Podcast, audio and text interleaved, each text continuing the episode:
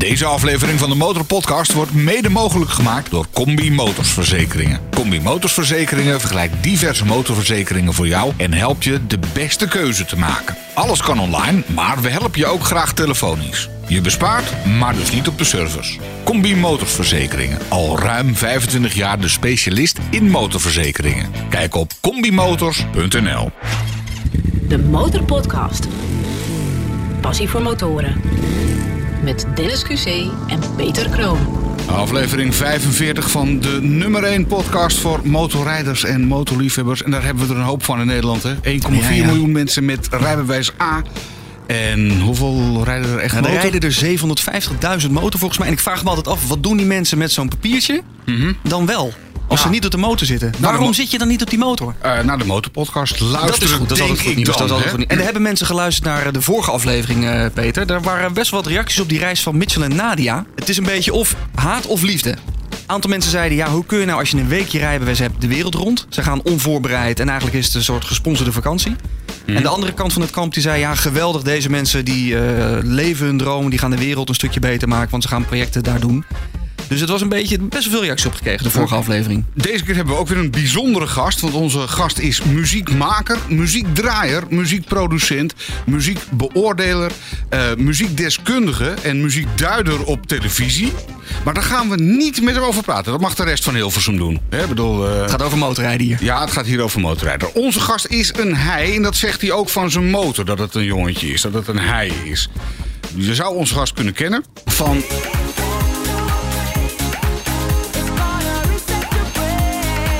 Reset Your Brain. En dat is natuurlijk iets wat je bij uitstek op de motor doet. Tenminste, daar gaan we vanuit dat je dat ook op de motor doet.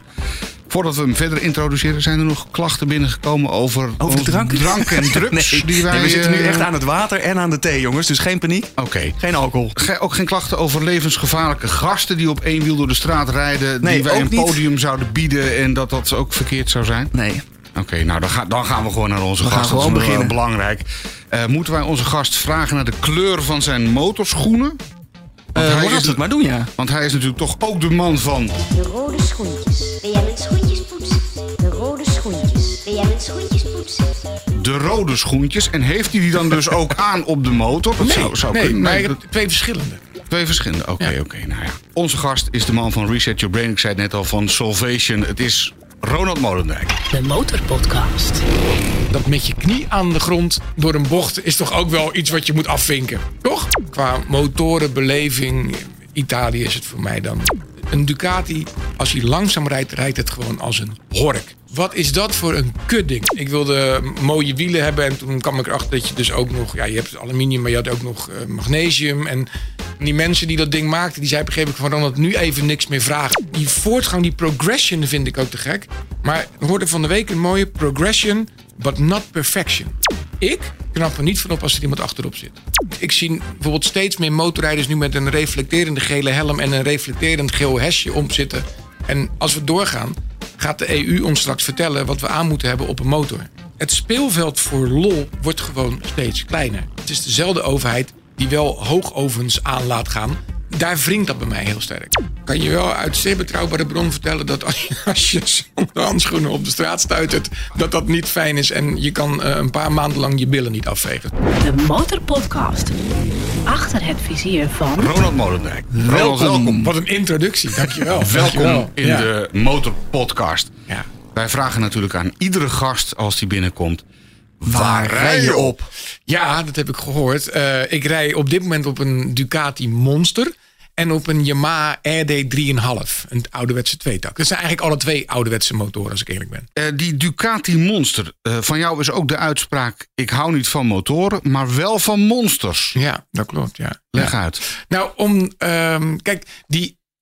Een motorfiets moet een soort levend ding zijn. Het moet een, en als ik nog wel eens in een motorwinkel kom, dat. dat ehm, dat heb je ook in auto's. Het wordt allemaal heel digitaal. Het is bijna niet meer te begrijpen wat er onder je gebeurt. Dus ja, ik hou wel van motoren dan, maar dat moet wel een beetje eh, ja, rammelen, rommelen. Een beetje. Ouderwets. Nou, hoeft niet per se ouderwets te zijn. Ik bedoel, je hebt natuurlijk nu steeds vaker dat die, ja, die retro fietsen weer terugkomen. Oude Kawasaki Z900 zien Ja, er weer uit als ouderwetse 900's. Eh, maar ja, injectie, ik weet niet. Uiteindelijk is volgens mij een carburateur nog steeds het zuinigste wat er bestaat als je het met motorrijden vergelijkt. Ja, maar je moet Ja. wel pielen met allerlei schroefjes Ah, erop. wel, nee, En- dan heb je ook weer mensen voor die dat voor je Oh, daar, daar heb jij Ja. mensen voor. Nee, nee, gewoon- Eh, Ben, ben je zelf technisch of niet? Ja. Ja? Ja? Ja. Maar toch laat je dat customizen dan de anderen doen. ja, maar dat is op een ander level. Dat Eh, is waar, ja. Ja, kijk, ik zou dolgraag leren lassen bijvoorbeeld. Gewoon echt, ik kan daar zo Daar van hebben genieten. wij dan weer iemand voor. Ja?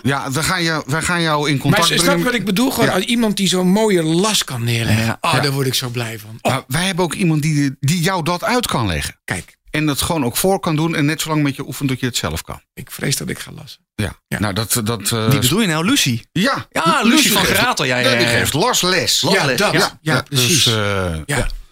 Nou zijn wij jouw motor op het spoor gekomen... doordat wij ooit te gast waren bij eh, Arthur Renkema en Job Leuzink. Ja, motor Adonis, Ja. tovenaars. In die schuur toen nog, echt in de barn. Ja. De Barn- toen waren het nog een beetje de, De Barn Barn Brothers. Brothers, Ja, ja. ja, ja. En eh, daar stond dus een project. En ze deden er een beetje mysterieus over. Van ja, eh, wij, wij zijn van, van wie is dat ding dan? Ja, dat ziet er wel grappig uit. En ja, er moet nog een hoop aan gebeuren. Ja, ja, ja, ja. Nou ja, laten we het maar zeggen. Hij is van Ronald Molendek. Nou, dan moeten we hem eh, aan zijn taas trekken. Want Ja. eh, dat, toen was dat- de tank er net af, geloof ik. Ja, het was echt... eh, nou, er moest een hele hoop gebeuren Ja, in ieder geval. Mooie gasten, mooie gasten. Ja, die- ze maken een Toch? mooi spul. Ja. Ja. Ja. absoluut. vakidioten ook weer. Dat is wat ik bedoel. Van het, het kunnen snappen, die lijnen kunnen zien. Ja, mooi, mooie jongens. Ja. Ja. Maar waarom dat customizen? Waarom? hé, want je kan best ook gewoon een monster kopen van eh, een tijdje terug met, Ja. met gewoon een carburateur. En, Kijk nog, een heerlijke motor om gewoon mee te beginnen ook zelfs. Eh, Dan neem je een 600, zo'n oudje, topmotor. Als je een keertje omvalt, ben je ook niet gelijk eh, aan de beurt. Waarom? Ehm, ik, ten eerste is het mijn motor. Ik heb een lange reis met motoren afgelegd om te komen bij een Ducati Monster. Ik was thuis. Een oude, heb ik het nog over. Hè? Dus gewoon met carburateur een 900. En ja, dan begin je met een ander schermpje en een ander spartbordje. Dat, ik kom nog uit de tijd dat carbon heilig was. Mhm. Weet je, waar gaat het over dat je carbon op een motorfiets plaatst? Of dat dat wat uit gaat maken. Maar dat, dat, dat ontspoorde. En toen dacht ik, ja, een keer andere wielen. En op een gegeven moment dacht ik van nee, nee, ik ga het nu echt. Ik ga de motor bouwen zoals ik hem zou willen hebben. En dat begon met een hele simpele vraag. Als je, eh, voor de mensen die naar deze podcast luisteren, zoek een keer een plaatje op van een oude 900 eh, motor, een, een Ja. Ducati. En dan kan je zien dat daar staat het mooie V-blok van Ducati, maar daar overheen loopt eigenlijk de tank. Dus je ziet de achterste cilinder eigenlijk niet. En toen stond ik daarvoor en toen ben ik eigenlijk naar de metaalbewerker gegaan en zeg: kan, ja, kan je mijn tank zo openzagen dat ik er doorheen kan kijken? Dat was denk ik de stomste vraag die ik ooit heb gesteld. Want vervolgens ben ik jarenlang bezig geweest om naar deze motor te kunnen bouwen. Ja, want uiteindelijk was die tank niet, dus moest een tank gebouwd worden. En ja, zo dende je dan door. Ik wilde ook altijd al heel graag een enkelzijdige achterbrug hebben. Nou, dat was dan ook weer mogelijk, maar dan moest je weer dit. Ja, en toen was ik gewoon vijf jaar verder. En, Maar hoe hou je dat vol? Vijf jaar aan de motor. Ja, dat geduld wat je dan moet Ja. hebben. joh. Je wilt toch rijden ook? Dan? ja, ja nou, dan, dan heb ik nog wel eens wat gehuurd om, om, Ja, ja, om, die, om, die, jeuk, om die jeuk te krabbelen, dat klopt. Eh, maar om, ik, ik wilde, dat doe je ook maar één keer in je leven, toch? Gewoon één keer in je leven bouw je gewoon De motor. De, de De- motor. Ja. ja. Gaat ook nooit meer weg. Dan zullen we even een foto delen op onze socials van jou, eh, jouw huidige Ducati. Maar die is wel heel erg naked op dit moment. Ja, dat klopt. Ja, en dat blijft hij ook. Ja. Wat ik al zeg, als je, als je een foto van de zijkant bekijkt, kun je zien kijkt dat, er doorheen, dat je er doorheen kijkt. Ja. Ja. En dat vond ik eh, op een of andere manier gewoon heel mooi. Kijk, de geschiedenis van een, een monster is natuurlijk dat er een paar van die techneuten van Ducati een 888 hebben gesloopt in een weekend. Een, een, een, een racemotor van Ducati. En die zeiden van ja, maar we willen een beetje rechtop zitten. En zo kwam zo'n ding. En dat was uiteindelijk de succesvolste Ducati ever. En ik stoorde me altijd aan, aan dat ene detail. Dat die, dat, ik kon het blok. He- heb je dat ook in de Ducati fabriek? Daar ben je ook geweest. Ja, heb, je daar, even- zelfs. heb je daar Ja. even aangekaart? Ja, Want ja eh, dat- klinkt raar, maar echt ja. Ik ben een Eh, paar wat keer. zeiden ze? Mr. Ja, Molendijk, No, no, no. we gaan wat doen. Ronaldo. Precies, wat jij nu zegt was eigenlijk het antwoord. Kijk, daar zijn ze natuurlijk ook alleen maar aan het vooruitgaan. Ja. Luister goed, ik ben uh, al in voor vooruitgang. Maar op een of andere manier moet het niet perfect worden. En dat is waar we steeds nu verder naartoe gaan. Ik bedoel, even, ik zit nu in een waanzinnige studio. En achter me is een hele vinylwand. En er staat een heel oud krijtliedje. En ik word daar zo blij van. En, en dat is toch wel met een hoop spullen wat nu uit de winkel komt. Je hoort het ook van alle, alle automonteurs, en motormonteurs. Er is niet meer te sleutelen. Het is gewoon, je trekt er iets af. Je denkt, geen idee, het is kapot. En je stopt er iets nieuws in en dan doet hij het weer. En, en daar ben ik een beetje afgehaakt. Gaat echt om het oude ambacht. De motortechniek. Om- de, om- Jullie hadden het net al even over van, van als je dus gaat rijden. Mhm. Dan, ja, ik, ik rij heel bewust. Voor mij is een motor geen vervoersmiddel om van A naar B te gaan. Voor mij is het om van A naar A te gaan. Van, ik ga een stukje rijden, dat kan echt letterlijk een kwartiertje zijn. Maar het kan ook een dag zijn. En dan wil ik involved zijn. ja. Zo'n zo'n zo'n monster die start rommelig en dan, doet hij het niet lekker. En dan op een gegeven moment dan, eh, dan is hij wakker en dan gaat hij die ook lekker rijden of zo. Dat. Dan word ik blij van. Maar ik snap ook, als je elke dag een motor moet gebruiken voor je werk, dan wil je gewoon een, een ik denk ik gewoon een soort BMW hebben die, klik, die doet het en die gaat rijden. Puur praktisch. Tuurlijk, tuurlijk. Betrouwbaar. Ja, En, maar eh, op door de weekse dagen ver- verplaats je je op vierwielen. Eh, ja. Waarom niet dan met een BMW een- of, of iets anders? Gewoon lekker. hè, want je, nee. je moet vaak hier in dit mediadorp zijn. zeker. Ja. En nou ja, je weet hoe het hier ongeveer is. Ja, Hè? ja. Je zou zeggen, ga lekker op twee wielen dan. Eens, maar mijn leven is op een gegeven moment in een soort stroomversnelling gekomen. En mijn auto is eigenlijk mijn, mijn kantoor geworden. Dat, dat ik stap in en werk dan ook echt. Ik bel zelden tot nooit als ik in mijn studio aan het werk ben. Dat weten de meeste mensen ook wel. Waarmee ik. Kan ook eh, bellen op de motor, hè? Met zo'n, ja, maar dat zeg ik net. Als ik ga rijden, dan ben ik involved. ja, ja. Ik, ben, ik heb geen, inderdaad geen. oh, Ik heb ook. Ik hoorde jou volgens mij in de vorige podcast zeggen dat je.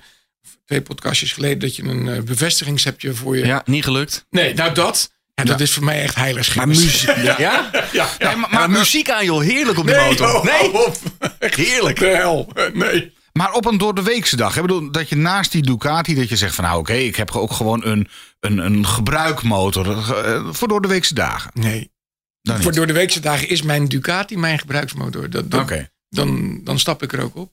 Want je hebt dus de, de, de Duke en je hebt de Yamaha 3,5 staan. De RD 3,5. Ja. De Ja. tweetakt. Wat is er zo fijn aan tweetakt? Behalve de geur. Nou, was- ja. Ten eerste de geur. En ten tweede, ik vind het ook een soort. eh, het is bijna een soort mythisch verhaal geworden. Maar als je met echte techneuten praat. Die van, van de motorracerij, maar ook van, van motor aan zich zijn. Die zeggen nog steeds dat een tweetakt vandaag. zou A. veel beter voor het milieu zijn. Minder belastend. ja. En het vermogen wat je natuurlijk uit een tweetakt kan halen. in vergelijking met een hele zware viertakt. Ja. dat, nou, maar, maar dat is het gewoon. Als ik op mijn Yamahaatje rijd, dan heb ik het gevoel dat ik op een, op een fietsje zit. Maar er komt wel gewoon eh, 73 pk uit of zoiets. Dat, dat is fantastisch. Z- Zullen we dan ook even twee takten? Oh ja, de hele tijd. Ja, ja, ja, trap hem aan.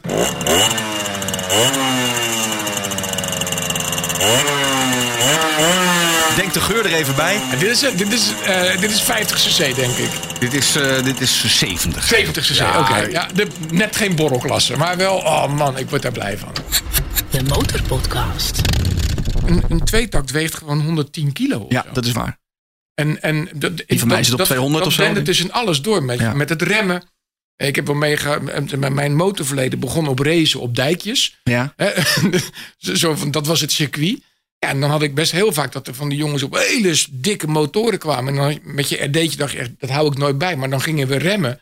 En dan gingen ze daar het licht aan gaan. En dan schakelde ik nog een keertje bij. Dat, Ja. dat- ja, het is, Ja, want wij hebben onderzoek gedaan. Onze Ja. onderzoeksredactie van eh, de Motorpodcast is op weg geweest. Is op pad gegaan. Ja. En uiteindelijk zijn wij op Zuid terechtgekomen. We zijn er uitgekomen op de Leierwaard in Rotterdam. dat klopt. En daar waren nog een aantal mensen die zoiets hadden van... dat jong van Molendijk, fijn dat hij vertrokken is. Ja, ze brommen. Ja, want je reed daar rond stiekem op de brommer van je broer. Dat klopt. En eh, dat was een, eh, een Yamaha met, Ja. een, eh, met een, een, palmboompje op de tank. voor mij is dat een Yamaha FS1 geweest. Ja. Ja, dat klopt wel. Daarmee maakte jij de buurt onveilig. Reed daar onder andere rond. ik moet even de situatie schetsen, Ja. Daan. Dat zijn grote flats, of hoge flats. De Leierwaard en hoe heet die andere? Grien, Grinderwaard. Grinderwaard, ja, ja, ja, Daartussendoor kroste Ronald heen en weer. En dat maakt, daarmee maakte hij de buurt onveilig. En nog altijd hebben ze daar zoiets van... fijn dat hij vertrokken Ik is. zou kunnen ontkennen, maar ik zeg gewoon schuldig. Heel, hoe Ja. jong was je toen? Ik, ik denk dat ik al 12, 13, dat ik wel verkocht Stiekem was. al, eh, ja, Dus daar begint die motorliefde. ja uit, nou, de echte motorliefde komt van mijn vader en mijn oom. Eh, dan heb je het, eh, ja, denk ik, jaren 60 zo ongeveer. Ik ben uit 65, ik denk 60 in die periode. Eh, BSA. Eh, grote verhalen waarmee ik opgroeide. Eh, eh, oude, van, je kent nog van die hele kleine zwart-wit vergeelde fotootjes... dat mijn vader en, en mijn moeder dan ergens in Schotland op vakantie waren met twee... met zo'n dikke leren jas aan. Ja, daar ben ik gewoon linksaf gegaan. Ja. Ja, dat, dat, ja En is het dan het avontuur of is het de, de vrijheid? Of... Punt, vrijheid. Vrijheid. ja. Ik heb in een ver verleden een keer een heel lang gesprek gehad met wat mensen van de KNV. Ja. Eh, en dat ging over hoe kunnen we motorrijden mooier maken. En, en, en, en uiteindelijk eh, eh, zei ik van, maar wat, wat willen jullie dan precies? Want er is maar één woord wat motorrijden vangt, dat is gewoon vrijheid. Maar dat vonden zij een, ja, toch wel zo'n vaak gebruikte... Maar ja, dat is gewoon wat het Maar, is. maar vrijheid in dit toch wel drukke Ja.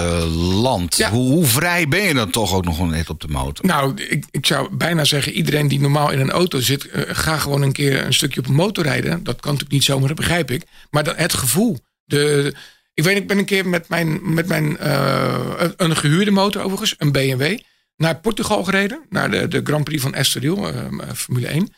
En ik weet wat ik, je- wat ik toen zo mooi vond, is je ruikt eerder waar je heen rijdt dan dat je het ziet. Dus op een gegeven moment rij je dan door Spanje heen en dan denk je, oh, olijven, olijven. En dan kilometers verderop Ja. zie je dan de, de olijven ineens, of wijn, of wat dan ook. Ja, Dat, dat is denk ik. Ja, die, die hadden we nog niet zo gehoord. Hè? Dat je, Jawel, dat vrij. Oh, ja. Ik weet wel, toen ik net mijn rijbewijs had, dan, dan Nee, ga je dat rijden. En dan, vrijheidsverhaal wel, maar dat, Ja. je, dat je ruikt. ja, dan, je ruikt je Ja. bloemkool of je ruikt opeens dat je nou, denkt van, dat, hè? ja, en ineens ben je ook, je bent daar zo bewust van. Ja. Plus natuurlijk de kwetsbaarheid die je natuurlijk ook hebt. Die, maar het is ook. Ja, Ben- is je daarmee bezig? Eh, ik ben er ook wel eens van afgegaan, ja. Ik heb mijn, mijn, mijn broer is uh, geruime tijd geleden overleden. Niet aan een motorongeluk overigens. Eh, maar die heb ik wel eens thuis zien komen eh, in een bed met een, met een motorongeluk. Dus ik ben er altijd wel van bewust.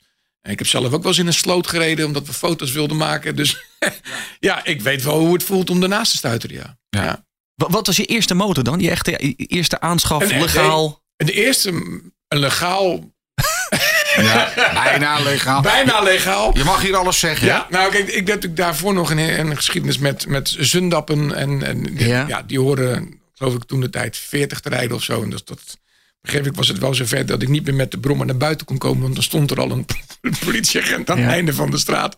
Dus toen moest ik een paar weken met de bus. Maar de eerste legale motor was eigenlijk een grote zundap, een Yamaha RD. Eh, en daar had je er toen nog twee van. Je had ze met een IPVS. Dus dan zat zo'n soort systeem op dat die wat ja, geciviliseerder werd. Ja. En meer vermogen. En die had er eentje zonder. En ik had eerst die zonder. Maar dat, dat, was echt een aan- en uitknop. Dan had je wel eens dat je denkt van, Ja. dat mijn hele dunne bandjes. Dat, dat dacht van, na een jaartje dacht ik wel van, ik weet niet of dat dit het helemaal is. Ja. Ja, dat, is dat was de eerste. Wel mooi dat die motorpasje er al zo vroeg in zit. En door, ook door pa maar, of door je oom ingegeven. Ja, en mijn vader en, ja. vader en, en, en oom. Ja. En die kwamen nog uit de tijd dat je als motorrijder, ja, dan, ja, dan moest je gewoon kunnen sleutelen. Dan, dan moest je nog je, je, je, je knalpijp, zoals dat heette, eh ontroeten. En, en dan, ja, anders Ja, deed met je het gewoon tweetakt zeker. Dan moet je echt... dat, dat, eh, dat was gewoon wat het is. Ja, want jij rijdt maar heel weinig op deze Kreidler, hè, eh, Peter? ik rij af en toe eens even een rondje. Echt zon- Ja, en er feest- staat hier zon- en echt- feestdagen. Er staat hier zo'n fijne krijtler achter mij. Ja. En we hebben net afgesproken dat als hij even niet oplet, dan... eh, Is die van jou? nou, we zijn wel benieuwd wat je gaat doen met 100.000 euro voor je motorpasje. Want dat kan ik echt niet inschatten. De Motorpodcast. Gratis in je favoriete podcast app. Zeg maar, je, je Ducati, eh, daar heb je ook een extra klein zadeltje op laten zetten. Ja. Hoe is het nou met het meisje dan? Moet, eh, die kan dus nooit mee. correct. Ja. Maar en die laat je dan ook liever thuis. die laat ik sowieso thuis, ja. ja wat ik al aangeef, als ik ga motorrijden, is het... It's, it's me. Ja. It's me time, zou ik bijna Je hebt geen vaste motormaat of zo waar je lekker mee Zeker gaat. wel. Dat Ja, ook wel jongens eh, waar we het af en toe mee rijden. Maar ik, ja, met veel plezier pak ik hem ook om gewoon e- echt even... Soms is het maar een half uurtje dat je even... Maar wat ik aangeef, ik, ik in ieder geval ben niet in staat om een beetje motor te rijden. Nee. Het, het is al in of niet. Ik ben ook rond natuurlijk naar de, naar de TT van Assen geweest. Ik heb ook circuitervaring enzovoort. En dan, ja, dat doe je dan echt of zo. Dan, dan kan je s'avonds niet meer de kroeg in. Ik, ik in ieder geval niet. Ik ben echt gesloopt na zo'n dag. Ja, maar ik kan niet een half uurtje op de motor zitten. Dat moet echt meteen Ja. uren worden. Een kwartiertje, half uurtje. Dat, eh, ik moet meteen meters Soms is maken. wel mijn, Ja? quick fix eventjes. Dat ik denk, Oh, oh, nee. lekker even. En, en is dat dan na een, eh, nou ja, beschrijf zo'n dag eens. Je zit de hele dag in de studio, ben je bezig met muziek. Ja. Daar zouden we het dan weer niet over hebben. Maar goed, als je op, op een gegeven moment, eh, nou ja, dat, dat gaat waarschijnlijk net als hier ook met computerschermen. Op een gegeven moment heb je echt gewoon vierkante ogen. Ja, ik moet ook zeggen dat in mijn studio heb ik ook gewoon nog de heel veel analoge apparatuur. En ik merk dat ik steeds vaker mijn weerzin van de schermpjes wint steeds vaker ook terrein in de studio. Kijk, wij, wij zijn in een, in een periode terechtgekomen. Ik, ik, ik wil er niet heel over doordraven. Maar eh, wij kunnen bijna alles. In een studio met computerschermen. Alle deurbellen zijn tegenwoordig bijna digitaal. Motorfiets had net al over, auto's ook. En op een of andere manier eh, mis ik daar een soort connectie in. We hebben, om, om het even in motortermen te houden. Je hebt dat tegenwoordig gehad, noem dat fly-by-wire. Dus dat je niet meer echt een gaskabel hebt zitten. Nee, dat is elektronisch. Ja, en fantastisch allemaal. Maar de reden waarom dat we daar gekomen zijn, is toch ook heel vaak vanwege uitlaatemissies en de overheid die het allemaal graag wil. En als je dan gewoon weer eens op een motor stapt met een, gewoon een gaskabel, denk je, nou, ik weet niet, maar dit was toch zo gek nog niet. Het gevoel in je pols. Juist. De echte. Ja, Ja, want Ja. je liep hier ook studio binnen. De, de echte ouderwetse pick-up was meteen het eerste waar jij naartoe ja, liep. ja, maar en eh, gek genoeg is in die hele vervelende periode van corona, is de vinylverkoop is geëxplodeerd. Eh, eh, ik ken natuurlijk een paar winkels met, met, met platenverkopers. Die kunnen het vaak ook niet meer aanslepen. En ook de fabrikanten van draaitafels kunnen het gewoon niet aan. En dat heeft keer, dit keer niet te maken zoals in de auto- en motorindustrie dat er geen chippies Chips, zijn. Maar gewoon omdat de vraag is zo groot. Omdat steeds meer mensen, die zijn natuurlijk in die coronaperiode een beetje op de rem gegaan. En denken dan toch van, leuk dat Spotify. Maar als ik mijn Spotify aan, er komen per dag 30.000 liedjes op Spotify erbij. Dan heb je een beetje een idee waar je tegen... Ik vind er maar eens wat moois tussen. Maar op een of andere manier krijg ik toch constant dezelfde 100 liedjes voor me mee. Ja, ja. Zo briljant vind ik dat allemaal niet. Maar ben jij dan ook niet iemand die voor de lol is eh, dealers afgaat of de, de, de motorbeurs opgaat? Zeker. Als je, ja, maar hoe loop je daar dan? Want dat is allemaal nieuw spul. Ja, maar ik, ik ben er niet wars van. Eh, ik ben ik denk misschien wel een van de grootste MotoGP-fans die ooit aan tafel is geweest. Ja. Volgens mij zijn jullie beiden niet heel erg beschokt. Nee, nou, kijk uit, is hier ook geweest. Hè? Ja, die nou, die ja, zit er ook diep in maar- hoor. Oh, die wint ook wat dat betreft. Ja, absoluut. Ja, ja die, die geeft ook commentaar op het circuit. Ja, ja, daarom. Eh, dus ik vind die, die, die, die, die, die voortgang, die progression, vind ik ook te gek. Maar ik hoorde van de week een mooie progression, but not perfection. En dat merk ik gewoon steeds vaak. Kijk, de laatste Ducati Monster die uit de fabriek is gekomen, heeft geen buizenframe meer. I'm out. Ik, ik Dat haak hoort. gewoon af. Dat zie ik zelfs. En ik snap dat een frame misschien voordelen dan heeft. Maar dan ben je op zoek naar perfectie. En dat is niet per se altijd het beste. Ik hoor, net ook, hoor ik je net ook zeggen van... eh, ja, het komt toch een beetje do- door de overheid. Hè? Minder, minder emissie. Het moet, wat hebben we het nu? Euro 5. Hè? Ja, uitlaten mag je niet meer horen. Het wordt allemaal. En dat ergens, als hij aan een dijk woont, begrijp ik dat ook wel. Maar die dijk lag er vaak eerder dan dat die woonwijken tegenaan is gebouwd.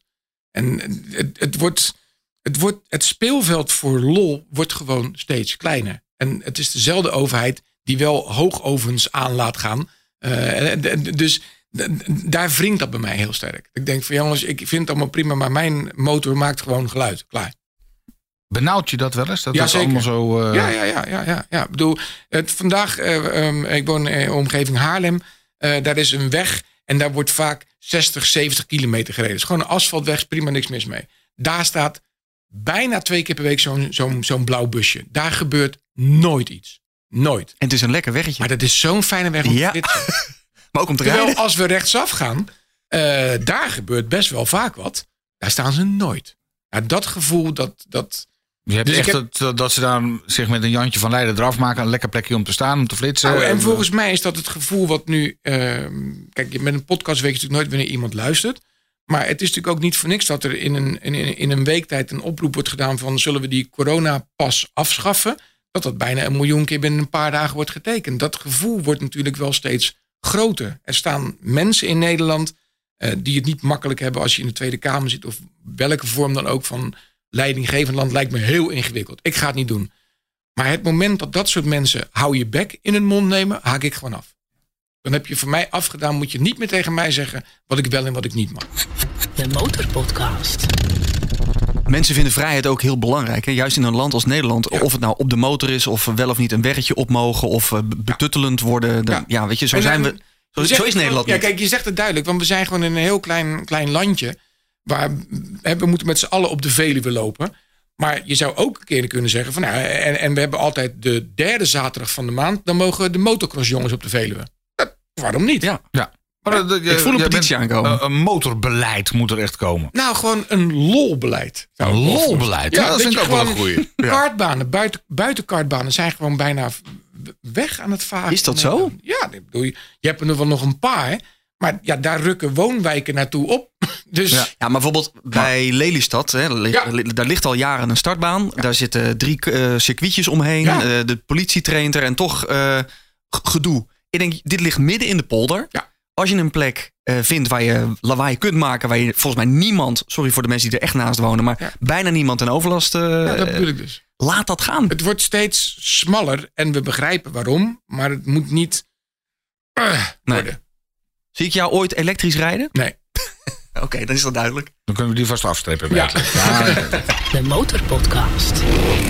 Het is tijd voor de zes versnellingen. Het idee van een versnelling is snel doorschakelen, snel antwoorden, geen goed of geen fout. Muziek of motor? Motor. Motor. Stoppen met muziek, hè? Ja, stoppen met muziek. Stoppen met muziek. ja, maar, ja.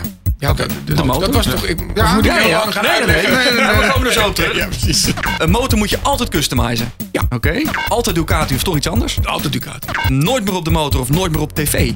Nooit meer op tv. Motorpassie zit hem in de snelheid. Ja. En dan komt hij lawaai maken en eh, je aanhoren komen. Of toch iets stiller is ook oké. Lawaai maken en je aanhoren komen. Ja. ja en dat is natuurlijk ook, om daar gelijk wat bijvangst bij te melden. Dat is natuurlijk ook vanuit mezelf. Want als we iedereen horen aankomen, worden we Ja. er ook niet blij van. Maar ik ga er ook wel min of meer vanuit dat er heel veel mensen zijn die daarop antwoorden.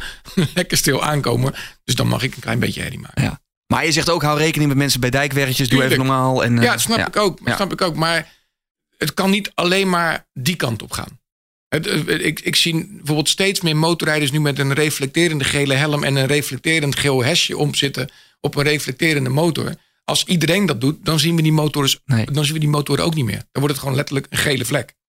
En als we doorgaan, gaat de EU ons straks vertellen wat we aan moeten hebben op een motor. En, sorry, maar ik zit altijd met motorkleding aan. Maar als iemand Daar zit se- reflectie in. maar als iemand per se de behoefte voelt om op zijn korte broek op een motor te zitten, ik ga niet zeggen dat dat niet mag. Nee. Ja, dat moet, ja. Nee, discussie hebben we ook wel eens. Hè, van hoe moet je op de motor? Moet dat altijd helemaal beschermd? Nou, je moet een helm op en handschoenen aan en een jas volgens mij. Maar een broek is niet verplicht. Nee, nou, ja. Nee. Dus als je dat niet wilt, een- ja, een mij jas- niet bellen. Een jas ook niet hoor. Je mag, eh, als jij gewoon Ja. in een hoodie op dat ding wil gaan zitten, dan zegt niemand van hé, hey, je moet een echte jas aan. Ja. En handschoenen zijn ook niet verplicht in Nederland. Is het alleen de helm? Alleen een helm is verplicht. Kan je wel uit zeer betrouwbare bron vertellen dat als je, als je zonder handschoenen op de straat stuitert, dat dat niet fijn is. En je kan eh, een paar maanden lang je billen niet afvegen. Dus misschien is dat doorslaggevend bij de keuze om een handschoen aan te trekken. met handschoenen te gaan rijden. Ja. En ehm, je, je zei eh, nooit meer muziek maken of nooit meer op de motor. En dat was dus, eh, de, je koos voor de motor. Ja, uiteraard. Ja, kijk, ik bedoel, Ja, ja, maar muziek is je vak. Dat is je snap basis. Ik, maar ik maak het ook al heel lang en heel veel. Dus als ik dan kijk van hoeveel jaren ik nog goed zou kunnen motorrijden, dan denk ik, ja, dan, dan haak ik af bij muziek. En dan ga ik ook naar Italië toe om daar te wonen. En dan. Oh, daar ga ik niet. Oh, oké. daar, gaat, daar gaat 100.000 euro naar naartoe, denk ik straks. Om met de motor daar naartoe te gaan. Nee, zeker niet. Nee. nee. Heb je wel eens inspiratie op de motor gehad voor, voor een plaat? Ja, ik- denk dat sterker nog dat de meeste inspiratie gebeurt daar waar je niet aan het werken bent. Eh, ik ken heel veel eh, grote schrijvers, eh, muziek heb ik het dan uiteraard over, die bijna allemaal zeggen: ja, toen zat ik op de fiets of liep in de supermarkt en toen ineens kwam dat zinnetje binnen. Je had het net over reset your brain. Dat kwam bij mij binnen op de fiets. Gewoon, ik weet niet, dan ik ben denk ik de meest niet gelovige persoon op aarde. Ik geloof in niks. Maar op dat moment denk ik wel van, er gaat toch schijnbaar een soort kanaaltje open dat dat binnenvalt. En dat hoor ik van heel veel mensen. Kijk, muziek schrijven is gewoon werken. Dat is heel hard werken. Vaak zit je gewoon in een ruimte en dan moet je een liedje maken. Er moet tekst op of iemand komt met tekst. Daar heeft iemand arbeid verzet. Maar je hoort ook heel vaak dat het begin van het liedje was toch... Ja, toen maakte mijn vriendinnetje het uit. Ik voelde me kloot. Ik had net even te veel gezopen. Ik ging naar huis, moest overgeven. En toen ineens had ik die ene zin van waar het liedje om draait. Snel opschrijven of snel even opnemen, want dan Ja. ligt het vast. Want Ja. een minuut later ben je het kwijt. Ja, de meeste mensen die ik ken die eh, heel creatief zijn, hebben ook allemaal een boekje naast hun bed liggen.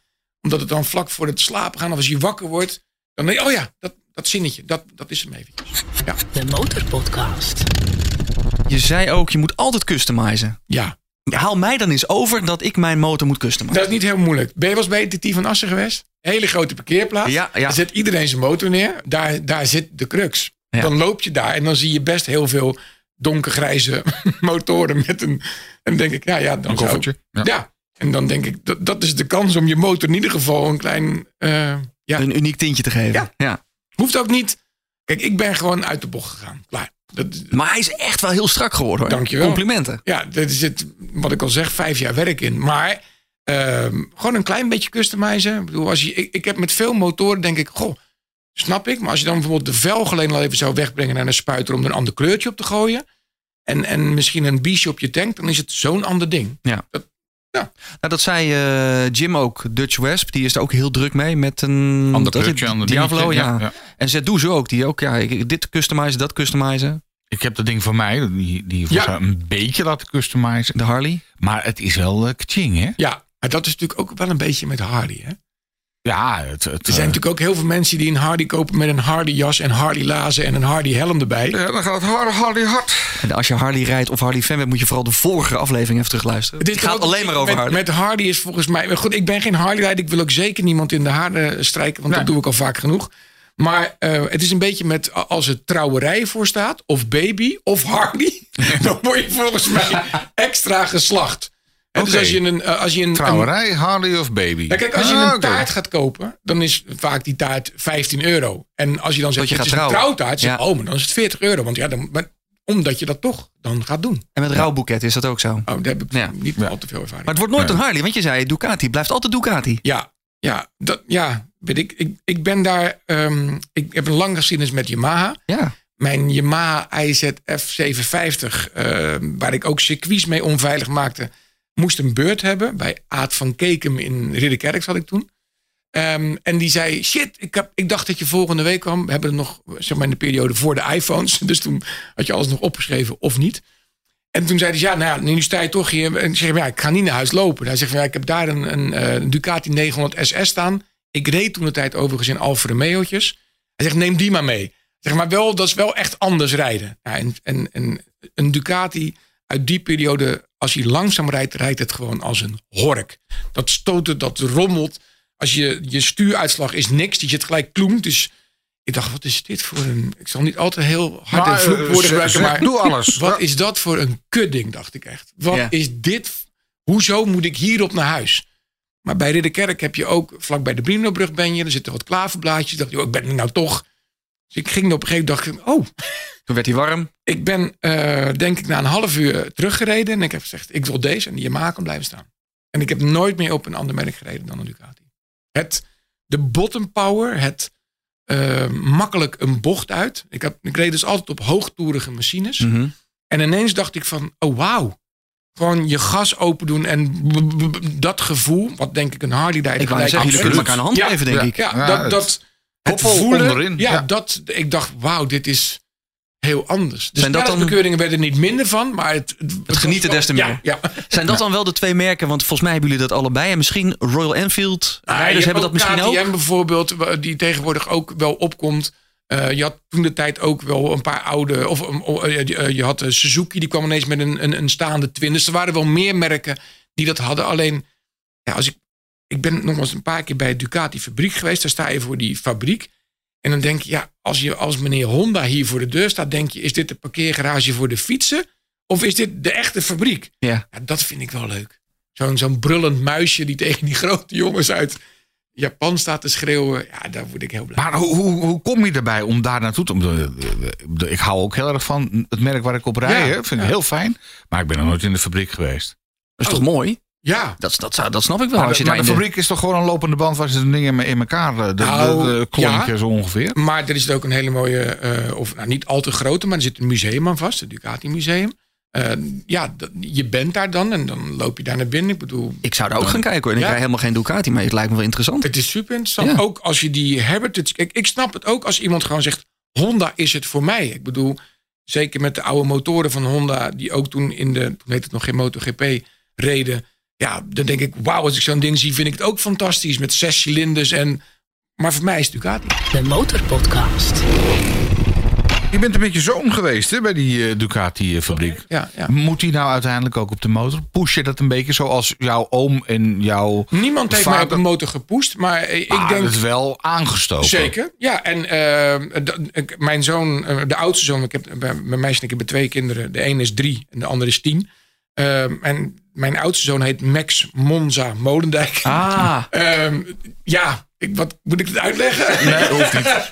Ja, ik snap ook wel dat, dat als eh, papa heel vaak naar voetballen kijkt, dat, dat zonen verplicht worden om mee te kijken. Want Ja. de tv staat aan. En bij mij, zolang als ik eh, MotoGP of de 500cc daarvoor kon kijken, heb ik daarna gekeken. Dus die, die, kreeg dat mee. Dat papa stond te schreeuwen tegen de televisie omdat er iets gebeurde met Casey Stoner of weet ik veel wie.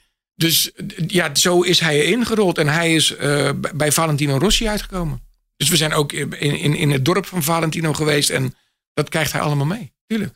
Niet bewust, maar Heb je dan toch niet stiekem iets van... nou, ik heb zelf nooit echt een GP gereden. Zo'n lief zou dat dan eigenlijk maar moeten gaan doen. nee, nee, nee hij mag. eh, hij heeft. Hij moest Vrije keus. Ja, hij moest van ons Toch. thuis één ding. Dat is heel snel zijn zwemdiploma's halen. En daarnaast mocht hij altijd een andere sport. Dat was bij hem heel lang judo. Eh, vervolgens is het voetballen geworden. Toen heeft hij één keer op het doel gestaan. En nu is hij begeisterd keeper. Maar zodra we zeggen we gaan karten of wat dan ook, dan. Ah ja, eh, dus het- zit er wel in, de snelheid. Ja, ja, toch verbaas ik me. Soms zie je wel eens die, echt die, die hele jonge jochies die op die, op die eh, juniormotoren zitten. Echt niet normaal, joh. Ja, ja, ja het- weet je wat het verschil is? We hadden het net even over Italië. Ehm, wij waren daar op vakantie met het gezin toen. Een gewoon kartbaantje. En daar rijden dan gewoon de MotoGP-jongens op zo'n... In Nederland hebben we dat volgens mij helemaal niet. Maar je hebt minibikes of pocketbikes. Dat kennen de meeste mensen wel. Van die, ja, Ja, die je echt oppakt. Ja. En je hebt de gewone motoren. Maar er zit een soort klasse tussen. Eh, en dat is in Italië groot. Ja, en daar zie je gewoon letterlijk... Bagnaia rijdt daar gewoon op zaterdagochtend... als hij vrij is op zijn motor Zijn of een kartbaantje. Ja. Ja, wauw. Dat, dat, dat, dat verschil. En, en ik snap, als je dus in Italië ja, jongetje bent, dan haak je daarop aan. De Motorpodcast. Passie voor motoren. Aflevering 45 van de Motorpodcast. We praten met DJ en Ducati-rijder Ronald Molendijk. Vijf jaar onderweg om een Ducati te customizen. weet dat je- 944 cc is die inmiddels. Dus Ja. hij is ook getuned. Eh, en er is, het frame is nog Ducati. En voor de rest is alles wat opgeplakt is ook Ducati. Behalve eh, tank, eh, voorkant en zitje. Die zijn echt gemaakt. Maar het zijn allemaal andere Ducati spulletjes bij elkaar. Wat kost het? Ja, ik dacht al, die vraag komt nu. Eh, ik kijk even rond in deze studio. ik denk dat we een heel eind komen met het interieur van dit, dit, deze studio. Ja. Ja. Ja. Er zitten vooral heel veel manuren in Ja. van de heren Moto Adonis. Ja. En daarvoor ook, want hij is bij een andere customizer ook nog geweest. Het blok moet ergens vandaan komen. Ja. eh, zoals ik het wilde. Het frame, want hij wilde dat ik een enkelzijdige achterbrug in. Ik ben dan ook zo'n... Er moet ook Olins op. eh, Of Eulens heet het geloof ik. Ja, ook, ja, vet. eh, goede schokbrekers. Nieuwe voorvork erin. Ik wilde mooie wielen hebben. En toen kwam ik erachter dat je dus ook nog... Ja, je hebt aluminium, maar je had ook nog eh, magnesium. En zo ben ik gewoon elke keer een beetje uit de bocht gevlogen. En die mensen die dat ding maakten, die zei op een gegeven moment van... Ronald, nu even niks meer vragen. Want dan zag ik nog een andere schok. En ik denk, wow, Die ook. die is ook heel mooi. Weet je. Doe er maar vier op. Achter. Oh, man. Maar genoeg, Het is- eh, Het hij is goed kostbaar. verzekerd. Ja, zeker. Eh, Ja, ja, ja, Is die nu echt helemaal naar je zin? ja. Ja? Ja. Er zit niks, geen draadje, geen dingetje, geen... Nee, nee, want dit is geen commercial voor de, voor de, de, de Motor Adonis eh, gasten. Want iedereen moet vooral vrouw of man zoeken bij ja, de customizer waar je je happy bij voelt. Ja. Bij, bij deze gast had ik gelijk de klik. Ja, Eh, maar ze zijn ook gewoon goed. Hè? Bedoel, ja, Ja. dat- Kijk, de- een van de eisen, verzoeken die ik had, ik wil geen draadjes zien. Eh, bij, bij de, we zitten nogmaals in een leuke studio nu en dan herkennen we elkaar een beetje. Dan willen we ook geen draden zien. En mensen gaan ook heel vaak hun studio weer uit elkaar halen, omdat het nog beter in elkaar kan. Hè, dat hoort een beetje bij Ja. ons, eh, onze afwijking. En eh, bij een monster zie je alles hangen qua draadjes. Nou, daar, daar reageerden ze gelijk op. Dat snap ik. Hm. De, de, clean look. ja, Ja. Ja.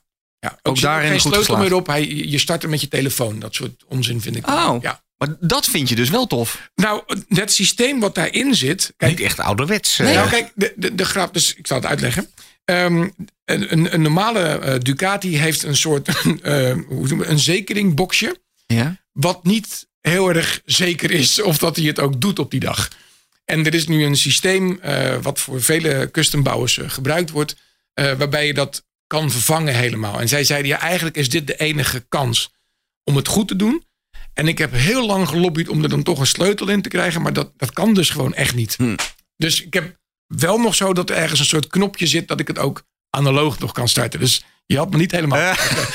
Als je nou meer wil weten over de jongens van de Motor Adonis, dan moet je even aflevering 16 beluisteren. Want we zijn daar in eh, de barn geweest toen ze nog Barn Brothers heten. Ja, maar Ja, Echt eh, Ja, tof is om een mooie, mooie anderpand. Ja, daar moeten we ons steeds een keertje langs, eh, Peter. dat gaan, we, dat gaan we binnenkort doen dan. De Motorpodcast. En, en, je, en je meisje, wat, wat vindt hij ervan? Van al het eh, motorgebeuren? Kijk, het voordeel. Behalve, ze rijdt niet mee, hè? Nee, nee, het voordeel. ehm, weet je wat? Ik ga het anders, ik ga het anders uitleggen. Ik geef eh, eenmalig een tip over relaties. Oké. Oeh, let We op zijn jongens. benieuwd, Ja. mensen. Ja. vooral. Wees een keer eerlijk als je denkt dat je de man of vrouw hebt getroffen waar je misschien mee verder zou willen gaan. En vertel dan gewoon alles waarvan je denkt van, ah, ik weet niet, dat knijpt misschien een beetje. Leg het gewoon op tafel. Direct, ik ben motorrijder. Zeg ook gewoon van, ik wil gewoon alleen motorrijden. En als je het echt heel graag zou willen, dan moet je je eigen rijbewijs halen. Maar ik knap er niet van op als er iemand achterop zit. Dus als je nou een keer met je nieuwe vlam, man of vrouw, uit gaat eten. En je bent zeg maar een paar maandjes onderweg. Ja. Zeg dan gewoon, weet je wat, vanavond vertellen we alles tegen elkaar waarvan je misschien achteraf gewoon denkt, oh, ik weet het niet. En wat was eh, de reactie van jouw eh, meisje dan? Eh, we zijn nog steeds bij elkaar. Oké, ja, dat zegt genoeg. Dat Ja. zegt genoeg. En ook als jij weer eh customize aanvallen krijgt, heeft ze dan niet zoiets van... Nee. Oh, Ronald, dit gaan we even niet doen, hè? Nee, sterker nog, ehm, Uh, stimuleert het. wij kregen foto's binnen eh, van, van de voortgang. En toen zei ik van, ik zou misschien in de winter wel gewoon in de woonkamer willen neerzetten. Dat is prima. Oh, dat Zo. hoor je niet vaak. Nee, dat is... eh, dat is eh, Ja. Nou, hier staat toevallig... eh, nou ja, mijn ik kijk achter me, er staat een hele mooie krijter. Dat is, en waarom niet? Het zijn toch kunstwerkjes? Ja, nou, zeker als die gecustomized is, dan is het ook nog een persoonlijk kunstwerk. Ja. Je zei, ik ben er ook een keer van afgevallen. Doe, doe vooral handschoenen aan. Ik heb soms zelfs wel het idee dat handschoenen nog belangrijker is dan Ja. een helm. Omdat je inderdaad met de handjes... Ja, ja, je gaat over het asfalt heen. En ehm, mijn, mijn broer heeft toen een motorongeluk gehad. Eh, er reed een brommetje door het rode stoplicht. Dus die reed hij daadwerkelijk door midden bijna. Ehm, ze leefden alle drie nog. Maar hij had achterop zijn toenmalige vriendin. Die werd over hem gelanceerd. Die had dus eigenlijk niks. Behalve dat ze dus gewoon vier maanden lang met haar handen ingezwachteld zat. Dan kun je ook echt niks. Dan kan je gewoon Nee. niks meer. Altijd handschoenen. Maar Ja. wat is jou overkomen? Je zijn sloot geland. eh, Ja, ehm, ehm, wij, hadden, wij waren met een grote groep vrienden. En wij kwamen er op een gegeven moment achter dat met je knie aan de grond door een bocht. Oh, is toch ook goed. wel iets wat je moet afvinken. Toch? ja, ja, absoluut. Nou, dus als je, wij hadden toen ook allemaal wel motorkleding aan. We gingen best vaak ook naar Assen. En op een gegeven moment dachten we van, daar moeten we foto's van hebben. dus En jij ging het wel even voordoen. wij hadden ergens een eh, bocht gevonden die daar perfect geschikt voor was. Eh, Ik zal niet zeggen waar het precies is. Eh, en ik nam inderdaad foto's. We waren met vier of drie jongens. En op een gegeven moment dacht ik van, nou nu wil ik ook dat er voor mij foto's worden gemaakt. En dan moet je wel even je achterband opwarmen natuurlijk. Ja. En dat had ik niet gedaan. Dus ik kwam weliswaar met mijn knie aan de grond. Mooi naast de motor hangend. niet zoals Mark Marquez overigens. door de bocht heen. En op dat moment ging mijn achterwiel. dacht van, hé, hey, ik ga gewoon nog even door. Ouderwets geval van overstuur. En ik landde toen gewoon zo met mijn hoofd naar beneden in de sloot. Goed afgelopen. Ik zit er nog. Ja, dus eh, ik weet nog wel dat ik toen eh, mijn vader en moeder toen moest bellen. Met de zin, ik heb goed nieuws en ik heb slecht nieuws. Het goede nieuws is, ik bel. Het slechte nieuws is... Liggende plomp. Ja.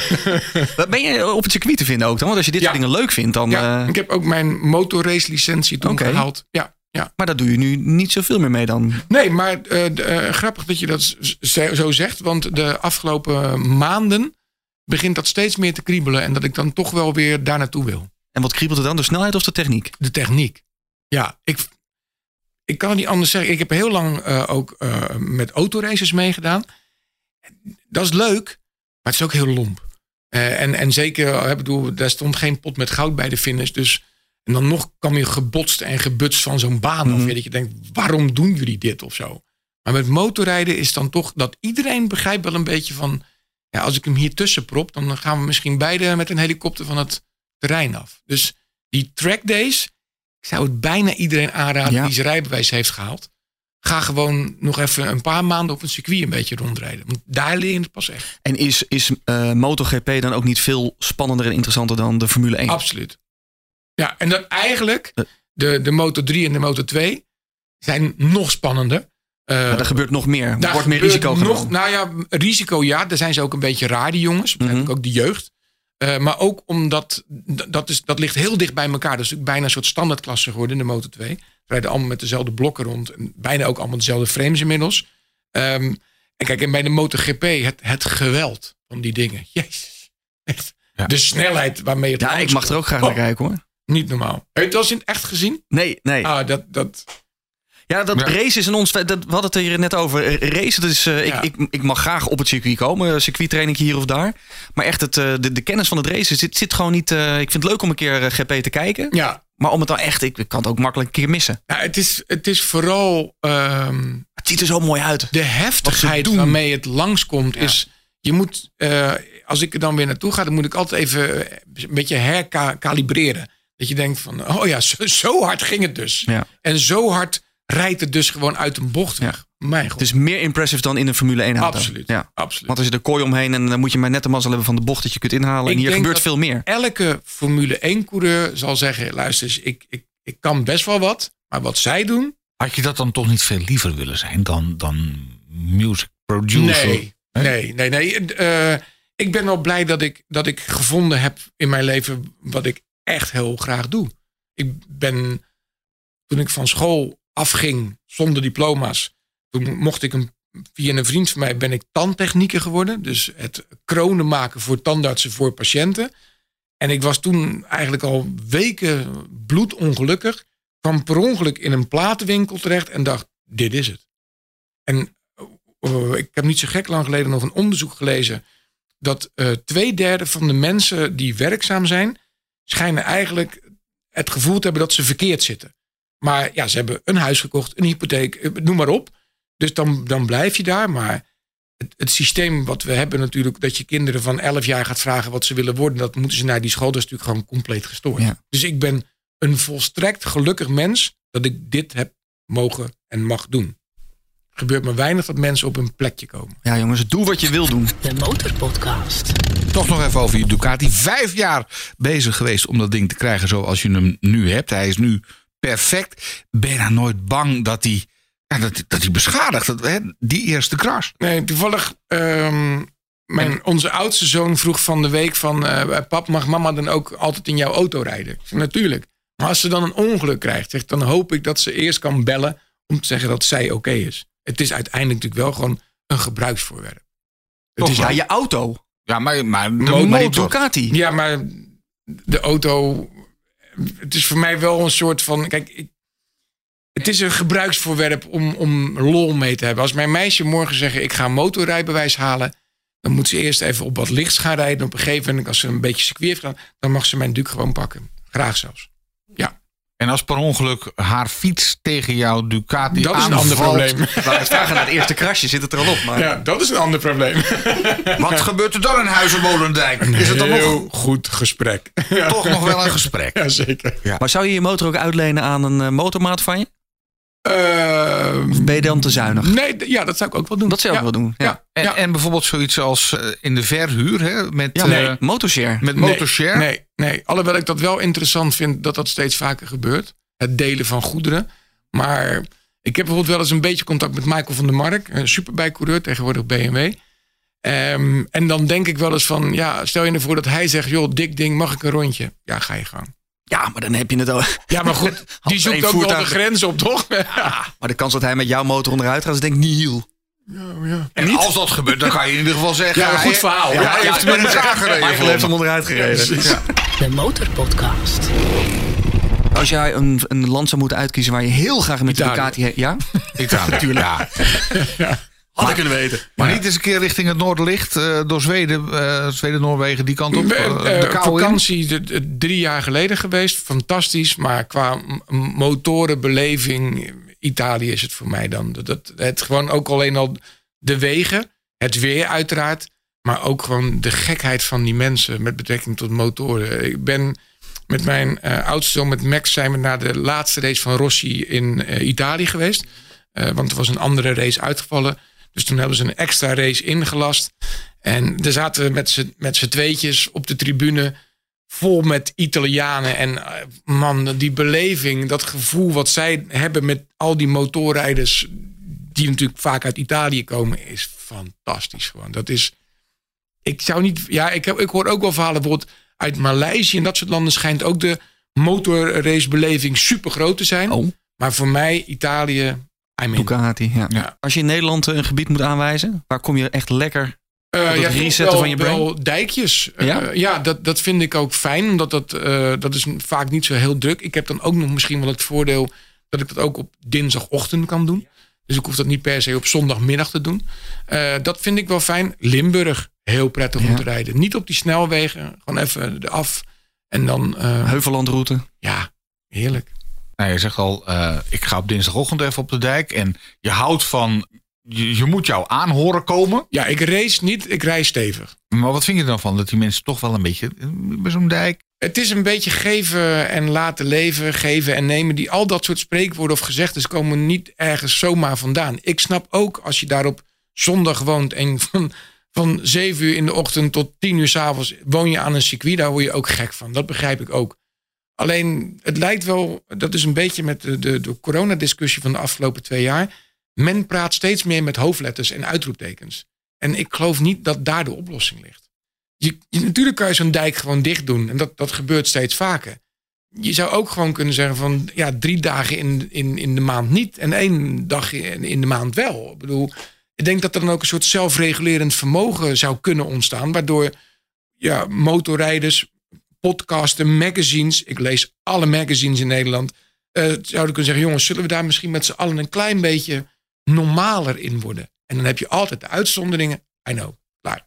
Of ga gewoon even van het gas af. Of doe even rustig. Of, Dat, ja. ja. of wat je ook ziet hè, met, met de postbank. Die gaat gewoon in drukke periodes voor al het gemotoriseerd verkeer dicht. Ja. Dus geen auto's, geen motoren. Ja. Maar ja, uiteindelijk leven we toch in een land waar je met welk motorvoertuig dan ook wegenbelasting betaalt. En je tankt. Dus ik vind het nogal wat dat ze gewoon een weg dicht doen Ja. voor jou. Helemaal met je eens. Dat, dat, pff.